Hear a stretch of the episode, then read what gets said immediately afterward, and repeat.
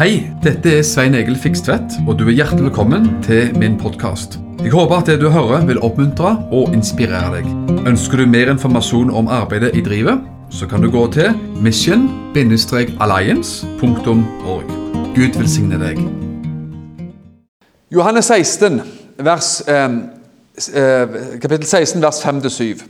Og Det som vi da har kalt dette her, eh, min overskrift, er Den hellige ånd. Hvem er han, og hva gjør han? Eller hvem han er, og det han gjør. Og som sagt, Dette blir gjerne bare introduksjon, og litt sånt, og så får vi komme mer tilbake til dette emnet siden.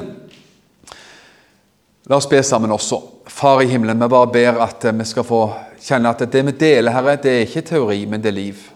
Vi deler liv. Livet tok bolig blant oss. Lyset og livet tok bolig iblant oss. Vi takker deg for det. Ordet tok bolig blant oss. Det ble til noe mer enn bare ord fra himmelen, men det ble, kom ned til oss og ble til liv for oss. Og Det ber vi om i Jesu Kristi dyrebare navn. Amen. Johannes 16, vers 5-7. Jesus sa, og dette er jo fra Jesu avskjedstale Det var blant de tingene Jesus måtte få sagt, og ville så gjerne ha sagt til disiplene sine før han dro til himmelen. Og Dette er jo fra det som man gjerne kaller for Jesu avskjedstale. Jesus hadde noe viktig han ville ha sagt før han dro. Og Det er noe av det, og jeg oppmuntrer deg veldig sterkt å lese både Johannes 5, 14, 15 og 16. Alle de kapitlene. For det handler om hva Jesus ville ha liksom overlevert og sagt skikkelig før han gikk til himmelen. Også før han gikk til korset. da. Først hans død og bestandelse, og siden hans himmelfart. Men nå, sier han, går jeg bort til Ham som har sendt meg. Og ingen av dere spør meg, hvor går du? Men fordi jeg har sagt dere alt dette, har sorg fylt hjertene deres. La, der, la, meg stanse litt der. Jeg går tilbake igjen, Jesus, sa Jesus. Jeg, jeg drar tilbake til himmelen, til Han som har sendt meg. Min tid er over, sa Jesus egentlig. Hvis jeg skal legge mine egne ord på det. Min, min tid her på jord er over ganske snart, sa Jesus. Og så drar jeg hjem igjen. Men fortvil ikke, sa han, for det kommer noe, der kommer noe på mange måter noe bedre i stedet for. Og Da sier Jesus i verset 7.: Likevel sier jeg dere sannheten, det er til det beste for dere at jeg går bort. Det er til beste for oss. For hvis jeg ikke går bort, kommer ikke talsmannen til dere. Men hvis jeg går bort, skal jeg sende ham til dere. Så hvis vi skal legge liksom litt på her, så har jo Jesus vært i tre og et halvt år i tjeneste sammen med disiplene sine. Og så kan vi skjønne det at når Jesus sier det, folkens, nå drar jeg snart, jeg drar bort, så må jo det ha vært et sjokk og en sorg. Og det var det jo også. Sorg har fulgt hjertene deres. Men Jesus sier, han forsikrer disiplene og sier dette er til det beste for alle, alle mann. At jeg går hjem igjen. Da til himmelen. For da kommer Den hellige ånd til oss. Så mange ofte, ofte har, vi, har, man ikke tenkt kanskje at Tenk hvis Jesus var fysisk blant oss i dag.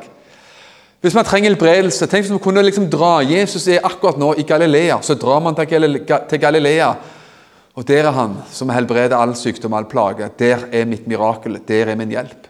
Ja, Det tenkte man på Jesu tid.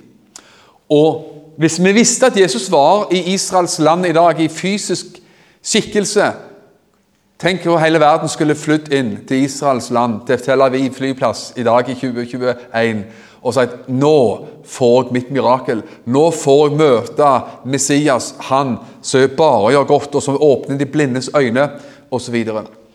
Men vet du hva? det hadde jo gått i stå, alt sammen. Det, flyplassen i Tel Aviv hadde blitt sprengfull, og det hadde gått i stå hvis folk fra hele verden skulle fly ned for å få sin helbredelse av en Jesus som gikk der nede. Ok? Hvis vi skulle ta det inn i vår tid. Hvis eh, tusenvis, ja, tusenvis av fly hver dag skulle laste mennesker inn og ut for å møte Jesus. Og vet du hva? Personen Jesus kunne aldri klart det. Det ville gått i stå én person som skulle helbrede en million mennesker hver dag. Det vil ikke gå. Men vet du hva? I dag så går det. For Gud er overalt. Han er ikke bare lenger i Jerusalem, ved Galileasjøen, i Nasaret. Han er også i Åmli. Han er overalt. Han er i Kina, han er i Iran, han er i Amerika, han er i Åmli. Han er overalt. Det er miraklet Den hellige ånd. Jesus dro til himmelen som i én person entall, bestemt person entall. Og så kommer han Den hellige ånd ned og er overalt. Utøst over alle mennesker, og alle mennesker kan få lov til å møte Gud på den måten. Vi tror på en treenig Gud. Fader, Sønn og Hellig Ånd har vi hørt nylig sunget her av Titti. Vi tror på Gud, én Gud, åpenbart i tre personer. Fader, Sønn og Hellig Ånd. Og Den hellige ånd skal egentlig overta jobben til Jesus. Overta og fullføre og overta stafettpinnen hva Jesus gjorde. I hvert fall Jesu gjerning. Og Jeg skal prøve å spesifisere hva det betyr. Hør. Det var bare én person som kom for å dø på et kors. Er du enig i det? Jesus. Den andre personen i Gud, guddommen, som jeg gjerne sier, Gud Sønnen, kom for å betale vår, prisen for vår frelse. Dø, heng, heng på korset, ta vår synd og skyld. Dø, stå opp igjen, og så dra til himmelen. Det var det bare det Jesus kunne gjøre. Og La meg ta med også dette. Hvorfor kom Jesus? Jo, han kom, sånn som jeg finner det i Bibelen, i hvert fall tre ting som jeg liker å nevne han, hvorfor Jesus kom. Han kom for å vise oss hvem Gud er. Han ga oss et fullkomment bilde av Gud. Er du enig i det? Og Spesielt i Johannes evangeliet så sier Jesus igjen og igjen og igjen Ingen har noen, sett, ingen har noen gang sett Faderen, men den enbårne Sønn har åpenbart Han for oss. Og Igjen og igjen så ser vi Jesus åpenbart til Gud ved å tilgi mennesker, helbrede mennesker og gjøre alt det Jesus gjorde, så viste jo han fullkomment, et fullkomment bilde av hvordan Gud er. Og Derfor så sa Jesus igjen og igjen at jeg kan ikke gjøre noen ting av meg sjøl, men bare det jeg ser Faderen gjøre. Så det ser vi så på et sånn fantastisk vis. Og så kom Jesus for, eh, Det var én ting Jesus kom for. Han kom for å vise oss Gud. Virkelig et rett og godt bilde av Gud. Nummer to han kom for å vise oss et eksempel hvordan vi skulle følge i hans fotspor. Derfor så sa Jesus, når han hadde vaska disiplene sine føtter Hva sa Jesus da? Jeg har gitt dere et eksempel for at dere skal også gjøre det samme. Altså tjene mennesker i ydmykhet. Og Flere plasser så står det, det at Jesus var et eksempel for oss til etterfølgelse. Tenk at vi som ufullkomne mennesker, med våre sterke og svake sider, kan ha Jesus, Guds enbårne og fullkomne sønn, som et forbilde. Og Vi tenker at han er han vi vil følge. Ja. Og sist, men dog ikke minst, nummer tre av Jesus, hvorfor Jesus kom. Han kom for å dø på korset, naturligvis. Det hele, alt kulminerer i, alt ender opp med det. At han gikk til Golgata kors, tok vår synd og straff på seg. Sto opp igjen etter å ha overvunnet dødens makt og Satans makt. Og i dag har han dratt til himmelen. Det er frelseshistorien i et veldig nøtteskalle. ikke sant? Og så kom Den hellige ånd ned på pinsedag. Og hva gjør Den hellige ånd nå? Jo, det skal vi se inn på. Men la meg si det sånn. Han tar i dag av det Jesus har kjøpt og betalt. Jesus kjøpte noe ved blodet sitt. Ikke med penger, ikke med sølv og gull, men han kjøpte frelse. Og alt som frelsen innebærer, Guds velsignelse og Guds nåde. Og det, Den hellige ånd tar det i dag og deler ut til oss. Han tar det som ble kjøpt på korset, og meddeler oss og gir det til oss i dag. Når et menneske blir helbreda, så er det sånn at den helbredelsen ble kjøpt ved Jesus på korset av Jesus på korset. Ved hans sår har vi fått legedom. Men Helligånd tar ved sine gaver, og gjennom ordets forkynnelse, så tar han det og gir det inn det, det, til deg i dag. Og meg i dag. Så Derfor skal vi alltid være åpne når vi sitter og lytter til Guds ord, sitter og lytter til nydelige sanger, sitter bare i en bedende, bedende og til, tilbedende hjerte. Så kan Gud gjøre hva som helst. Og Du burde ikke bli overraska om du sitter her og kunne bli helbreda mens du sitter her. Før noen får bedt for deg. Ja, hvorfor det? Du sitter og hører på Guds ord. Du sitter ikke bare og hører på Sven Egil, min stemme og min eh, Stavanger-dialekt. Det kan være lidelse nok, bare det. Men du hører på noe mer. Du hører på Guds ord. Ikke sant? Du hører på Skriftens ord, sannhetens ord, og det, bør, det, det, det gjør at ting kan skje i våre liv. Vi holder på så lenge vi holder på, for vi, vi, rekker aldri vet du, snakke om Hellige Ånd. Vi kommer aldri i mål når vi snakker om Den hellige ånd. Så vi får bare holde på så lenge vi kan, og ta resten siden. La meg fortelle deg om tre verk av Den hellige ånd. Sånn grunnleggende verk, vil jeg kalle det. Nummer én. Den hellige ånd han føder mennesker på nytt.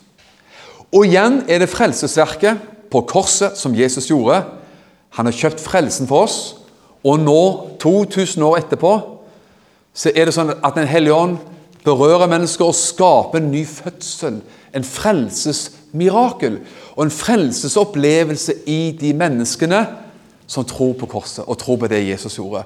Den hellige ånd ser du hvordan Jesu verk og Den hellige ånds verk henger sammen.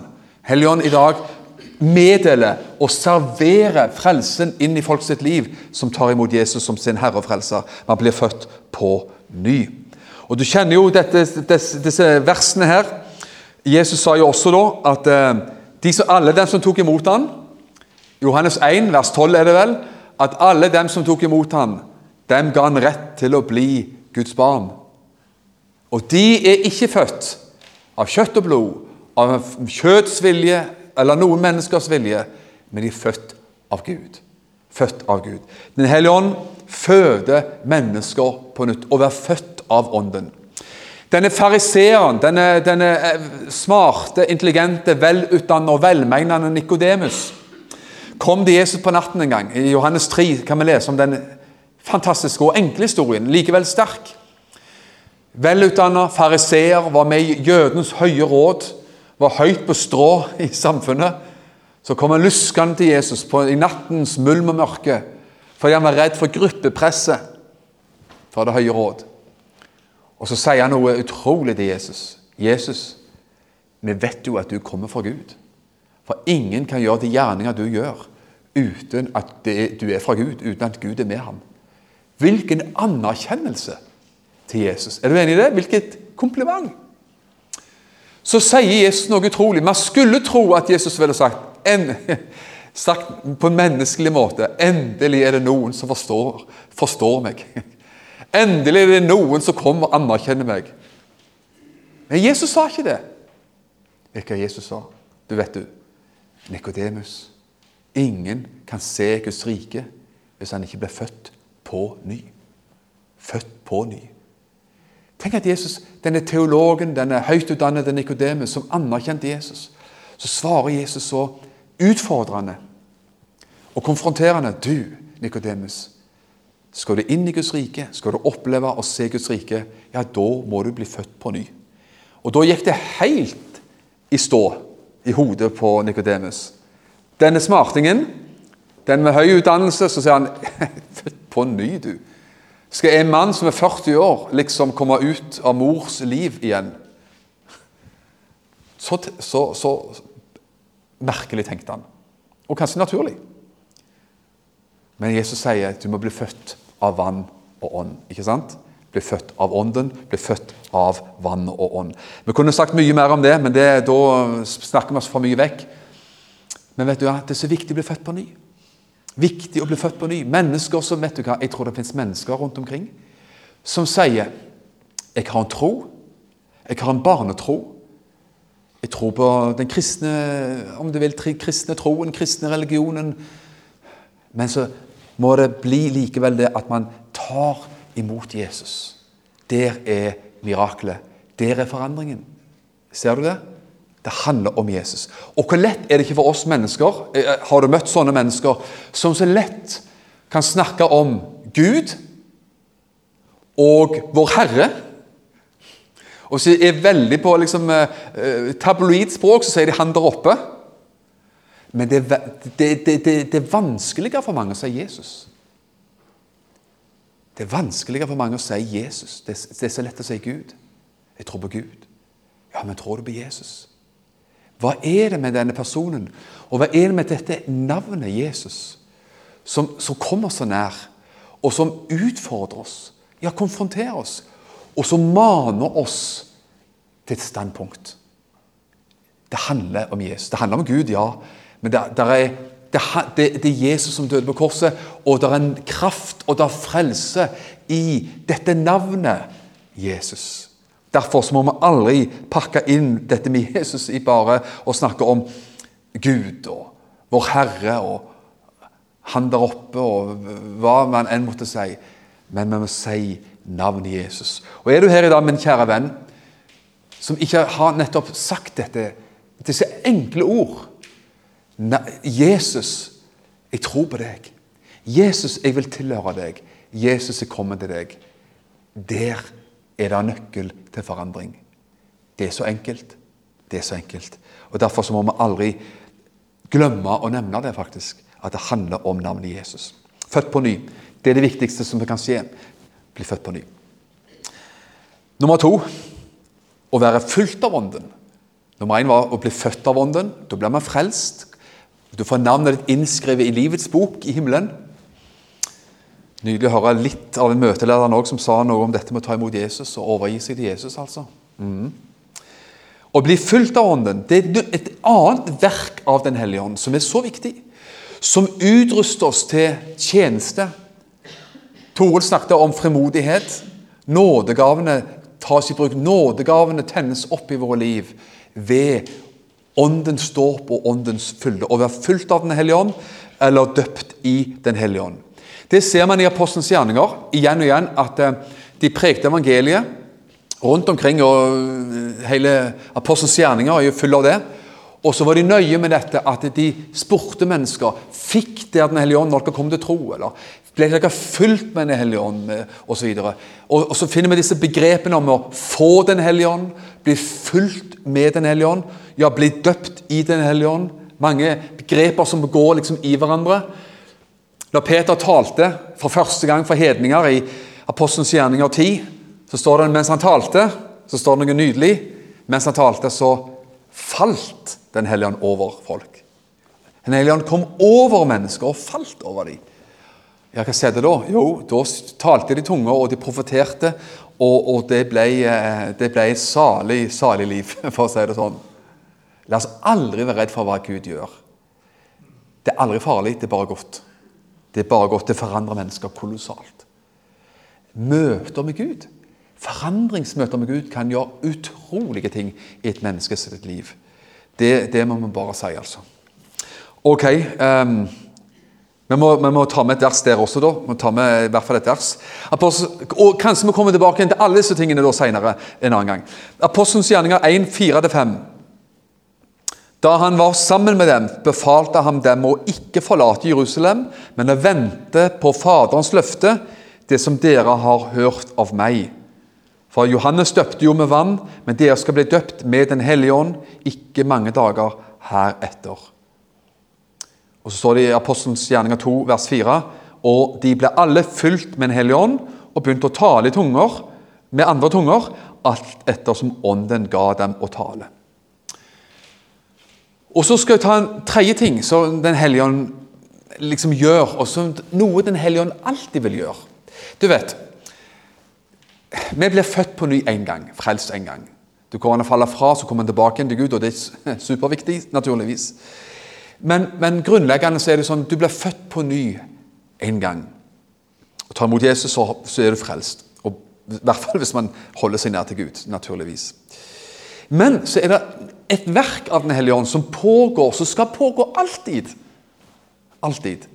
Og det er det jeg vil kalle for en stadig påfylling av Den hellige ånd. La oss bruke et enkelt bilde. Du vet at du, du, drikker, du, drikker, vann hver dag, eller melk hver dag, eller kaffe drikker man hver dag. og Det er jo ikke så sunt, da. Men du drikker noe hver dag. Du, du, fyller på, fyller på bi, det er bensin eller diesel på bilen din hver dag. Ikke hver dag, det var en gang i uka. Eller en, hver 14. dag. Du må, Har du bil som går på bensin og diesel, så må du innom en bensinstasjon og fylle på. Ellers så stopper du til slutt. Og Kjører du bil med batteribil, elektriske bil, så må du plugge inn strømledningen. Og passe på at batteri, batteriet er fullt. Og Da kan du kjøre videre. På en måte så er det sånn at det, i livet Hvorfor må vi bli fulgt med Den hellige ånd igjen og igjen? Jo, for vi lekker hele tida. Jeg håper i hvert fall du lekker. Du skal lekke ut rundt omkring. Du skal dele ut. du skal Livet leves. Og dessuten så møter vi eh, vanskelige ting i livet. Eh, vi møter denne verden på godt og vondt. Vi møter denne verdens vantro, denne verdens problemer, denne verdens bekymring. Vi møter dette virkelige livet. Og hvor godt er det ikke, og hvor viktig er det ikke at vi stadig søker Gud hjemme og i menigheten, i bønnemøter, alenebønn, bønn med andre, og kjenner på det at man blir igjen og igjen på, på nytt og på nytt fylt med Hellig Ånd. På samme måte som du er innom en bensinstasjon og fyller på opp bilen din. vet du. La meg lese noe av dette her. Apostelens gjerninger 4.31. Det var når disiplene hadde fått forbud om å tale. Forbud om å tale i Jesu navn. altså Rett og slett taleforbud. Mm -hmm. Og Så kom de sammen og så søkte de Gud i dette her. Og så står det Vi skulle lest flere vers, men vi sparer litt på det da, og tar det veldig kort. Da de hadde bedt, skalv stedet der de var samlet. Toril var innom det. Og de ble alle fulgt med Den hellige ånd. Og de talte Guds ord med frimodighet. De var kanskje redde, de hadde fått forbud, de, de ble konfrontert med noe av de som ikke ville ha evangeliet forkynt. Ja, hva gjør man da? Jo, man fortsetter å forkynne evangeliet. Men hvordan skal man ha frimodighet til å gjøre det etter du har fått trusler? Om vi ikke gjør det? Jo, du tar veien innom et bønnemøte. Du tar veien innom den åndelige bensinstasjonen. Man kommer sammen. Og så står det, hvis jeg skal ta det, bare sitere det fra min hukommelse Når de fikk forbudet mot å forkynne evangeliet Vet du hva det står så nydelig? Da de hørte dette, altså forbudet, da gikk de til sine egne og fortalte om alt det de hadde fått forbud på. Og venner, når vi får en dårlig rapport, når vi får en dårlig nyhet Enten forbudet mot å forkynne evangeliet Så ille har det ikke blitt i Norge ennå, og vi håper at det ikke skal bli så ille. Men at du har fått en dårlig nyhet, hvem går du til? Jeg har lyst til å si det sånn Hvem er dine egne? Gå hellig i den som vet når man har fått en dårlig rapport og fått noe man, som plager livet. Man kan gå til sine egne. Hvem er dine egne? Er det Åmli misjonskirke? Er det menigheten på Vegårshei, Guds menighet på Vegårshei, eller hvor er din forsamling? Hellige den som vet jeg kan gå til mine egne når jeg har fått noe som har kommet på i livet. Og Det står der, det var det de gjorde. De kom til sine egne, og så løfta de seg samstemmig sin røst og ropte til Gud. Og så står det da da de hadde bedt, så skalv stedet, og de ble fulgt med Den hellige ånd. Hva skjedde da? De talte Guds ord med frimodighet. Så de kjørte på videre. De fikk fulgt opp tanken og kjørte på videre. Apostelens gjerninger 1352. Et utrolig vers, faktisk talt. Apostelens gjerninger 1352. Og disiplene ble fylt, den, fylt med glede og Den hellige ånd. Vet du hva som hadde skjedd der? Det var at det, ble forfølgelse pga. at de forkynte Guds ord i et sted som heter Antiokia. Så ble det rabalder og bråk og spetakkel. Og Paulus og gjengen måtte stikke av, fly til en ny by. Så står det som bare som, nesten skrevet litt sånn tørt etterpå. Paulus de dro av gårde. Så står det og disiplene ble fylt av Den hellige ånd. Ble fylt av glede og Den hellige ånd. I, når det var som mørkest og verst og som hardest, så var det dette livet av glede, av en stadig påfyll av Den hellige ånd, er kolossalt viktig. Efeserne 5, 18. Igjen Husk at dette skrev til mennesker som allerede var frelst, naturligvis. Og det var også skrevet til mennesker som allerede var blitt ånds, det man kaller åndsdøpt, åndsfullt.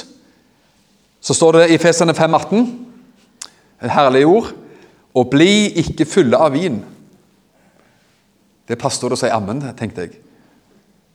For det fører bare til utskeielser. Men bli fulgt av Ånden. Så konkret er det egentlig. Ikke bli full av vin. Bli fylt av Ånden i stedet for.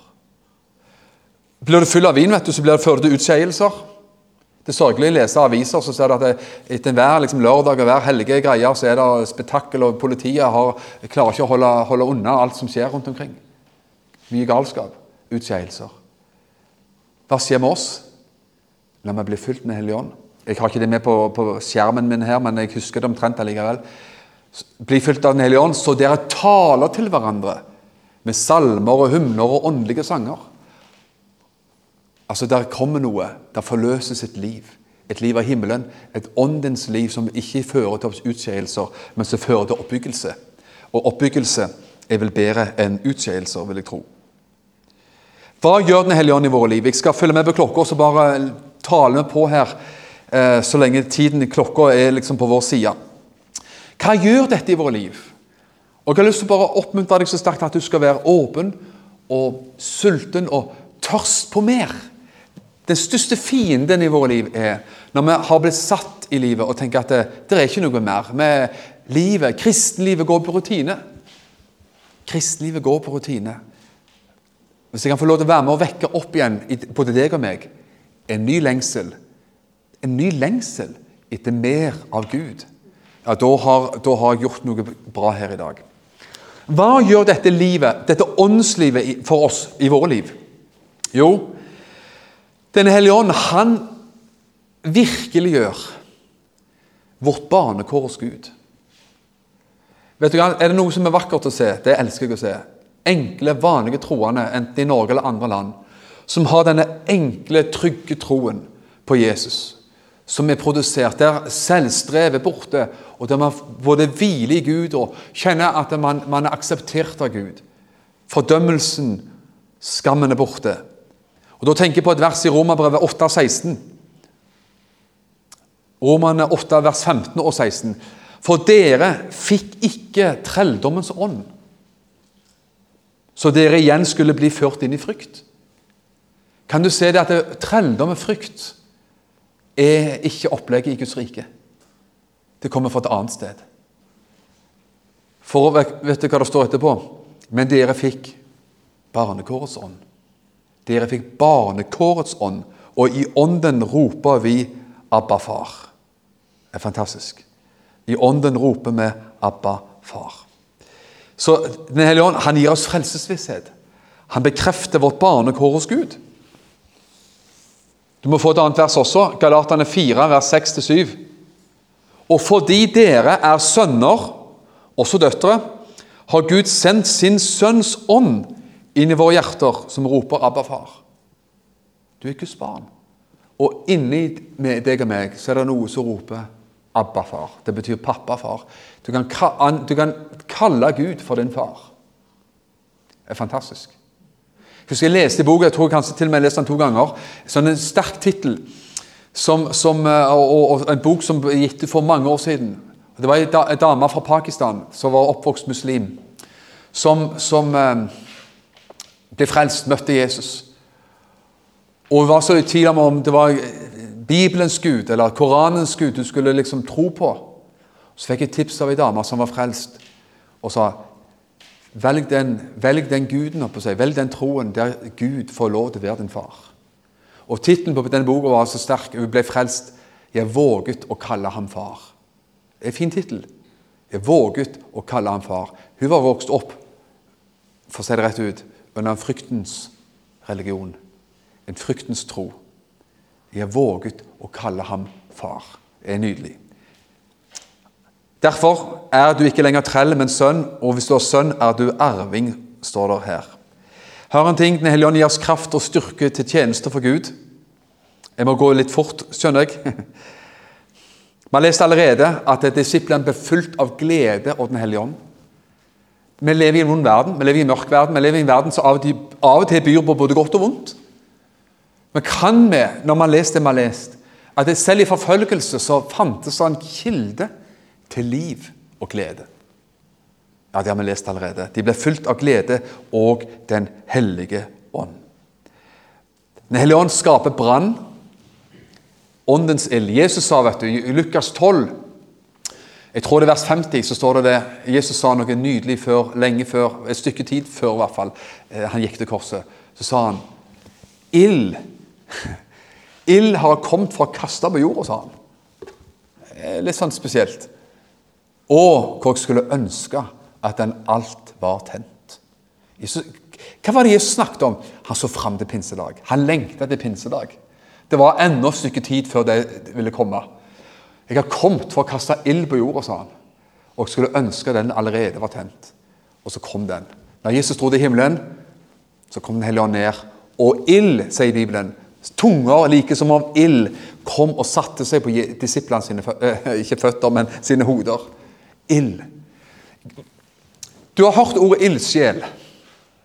Og Det brukes vidt og bredt både om kristne og ikke-kristne. Men det er noe, enten gode eller dårlige ildsjeler, spørs hva man brenner for i livet. Men jeg er, ikke, jeg er ikke enig med alle som gjerne kalles en ildsjel, for de kan brenne for mye rart. Og ting som ikke jeg er enig i. Men de skal i hvert fall ha respekt for at de brenner for noe. Er du enig i det? De, takk Gud at det finnes noen som brenner for noe. Men takk Gud enda mer for de som brenner for Hans rike. Brenner for Hans rike, brenner og lever for Hans rike. En ildsjel, en person som brenner for noe, som tiltrekker seg mennesker, som smitter noe. Man brenner for noe, og man smitter av seg noe. Du og meg er kalt til å være smittsomme mennesker og ildsjeler for Guds rike. Jeg skal begynne å lande dette her, for at vi kunne snakke så mye om all verdens ting om Den hellige ånd. Men vi må lande det på den måten her nå. Og jeg har lyst til å spørre hva Alt dette vil du si, kanskje. Alt det jeg har talt om nå, forhåpentligvis, er rett og bibelsk. Og så tenker du kanskje Svein Egil, alt dette her er jo vel og bra. Men hvordan, hva betyr dette for meg i mitt liv? Hvordan skal jeg få oppleve dette, mer av dette i mitt liv? Alle av oss har vel opplevd noe av det. Men hvordan skal vi kunne få dette til å se bedre ut, eller få mer av det i vårt eget liv? Ja, det trenger du, og det trenger jeg. Alle av oss trenger mer av Gud. Jeg syns det, det er et veldig bra begrep. Mer av Gud. Mer av Den hellige ånd. Større påfyll. Fylle tanken opp enda mer.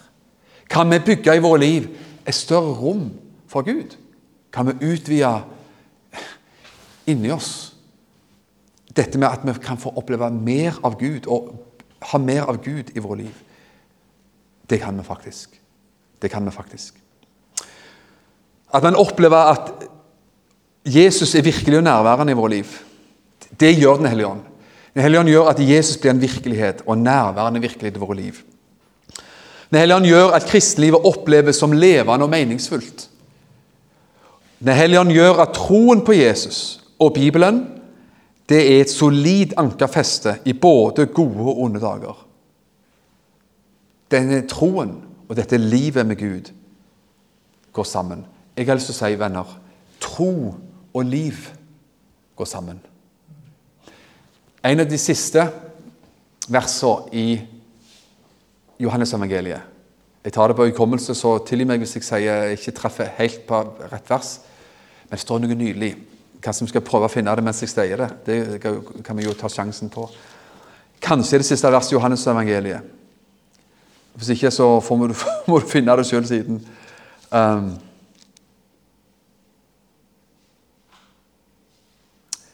Jeg finner det ikke nå, men det står der blant de siste versene i Bibelen så står det at ved troen så skal vi ha liv. Der har jeg det. Siste verset i Apostel, nei, Johannes 20, vers 31. Johannes 20, vers 31. Men disse ting er skrevet ned i Bibelen, altså, for at dere skal tro at Jesus er Kristus, Guds sønn, og for at dere ved troen skal ha liv i hans navn. Det er en nydelig vers en nydelig setning. Ved tro skal vi ha liv i hans navn. Hvis vi opplever at det er bare tro og intet liv, så må vi finne hva, hva, hva, hva har skjedd. Sant? For troen skaper liv. Tro og liv henger sammen. Tro, ikke teori, men tro er liv. Det finnes et troens liv og et åndens liv i oss. Og Er det noe jeg skulle ønske for enhver som hører på meg, er det at du skal oppleve at et kristen troen, ikke bare kristen tro, men kristen liv. Det er et liv, og det er et godt liv. Det er et meningsfullt liv. Derfor blir jeg personlig som jeg har sagt, jeg blir fascinert av kristne som har denne enkle og solide gudsrelasjonen. Det kan være mennesker med under enkle, fattige kår i andre land. Mennesker kanskje med lav og ingen utdannelse, men som bærer i seg denne troens liv og denne enkle, men likevel sterke gudsrelasjonen. Og som midt i, eh, kanskje gjennom veldig vanskelige omstendigheter, er trygg på at han er med alle dager. Og alle slags dager. En tro som gjør at man er trygg på at Jesus er med alle dager og alle slags dager i livet. Det fins i Bibelen en henvendelse til oss. Og det er dette med tørst.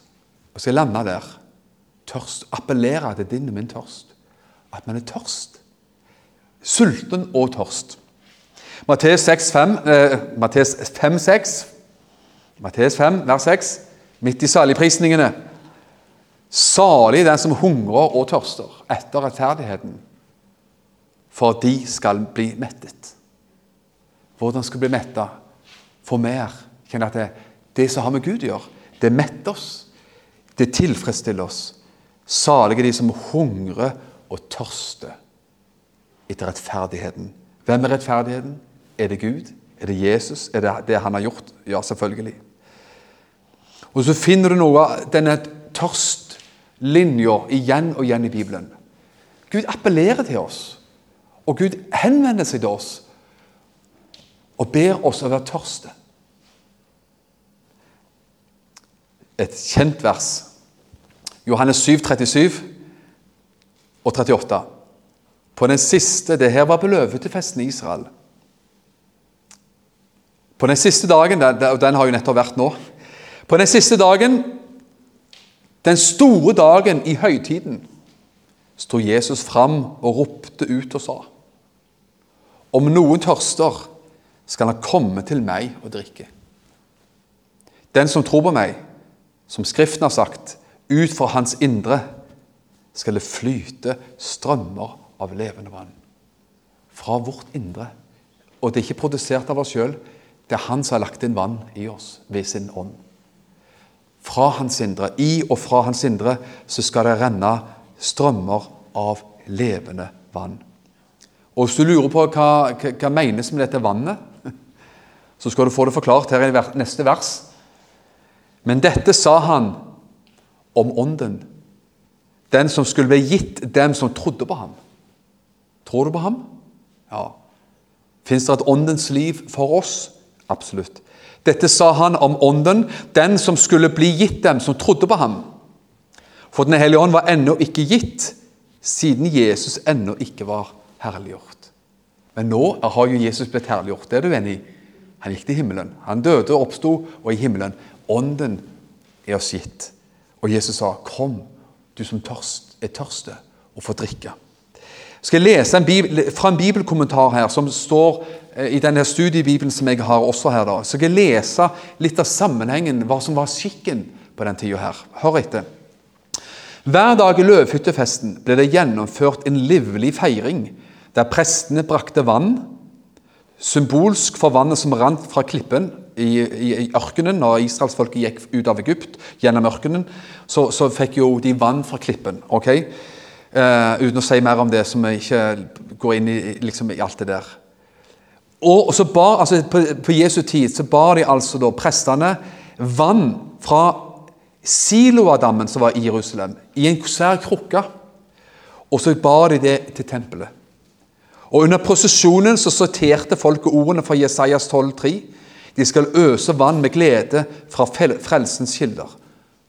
Og vannet ble helt på alteret som et offer til Gud, mens folket ropte og sang. Kan du se det? I løvhyttefesten den gangen de tok vann fra Siloadammen i Sarakrukka. Så gikk de i prosesjon. Bare se den, den, den si, festivalstemningen og den feststemningen som fantes. Og så bar de dette vannet som, er til minne om når de fikk vann i ørkenen. Og så helte de det ut i tempelet.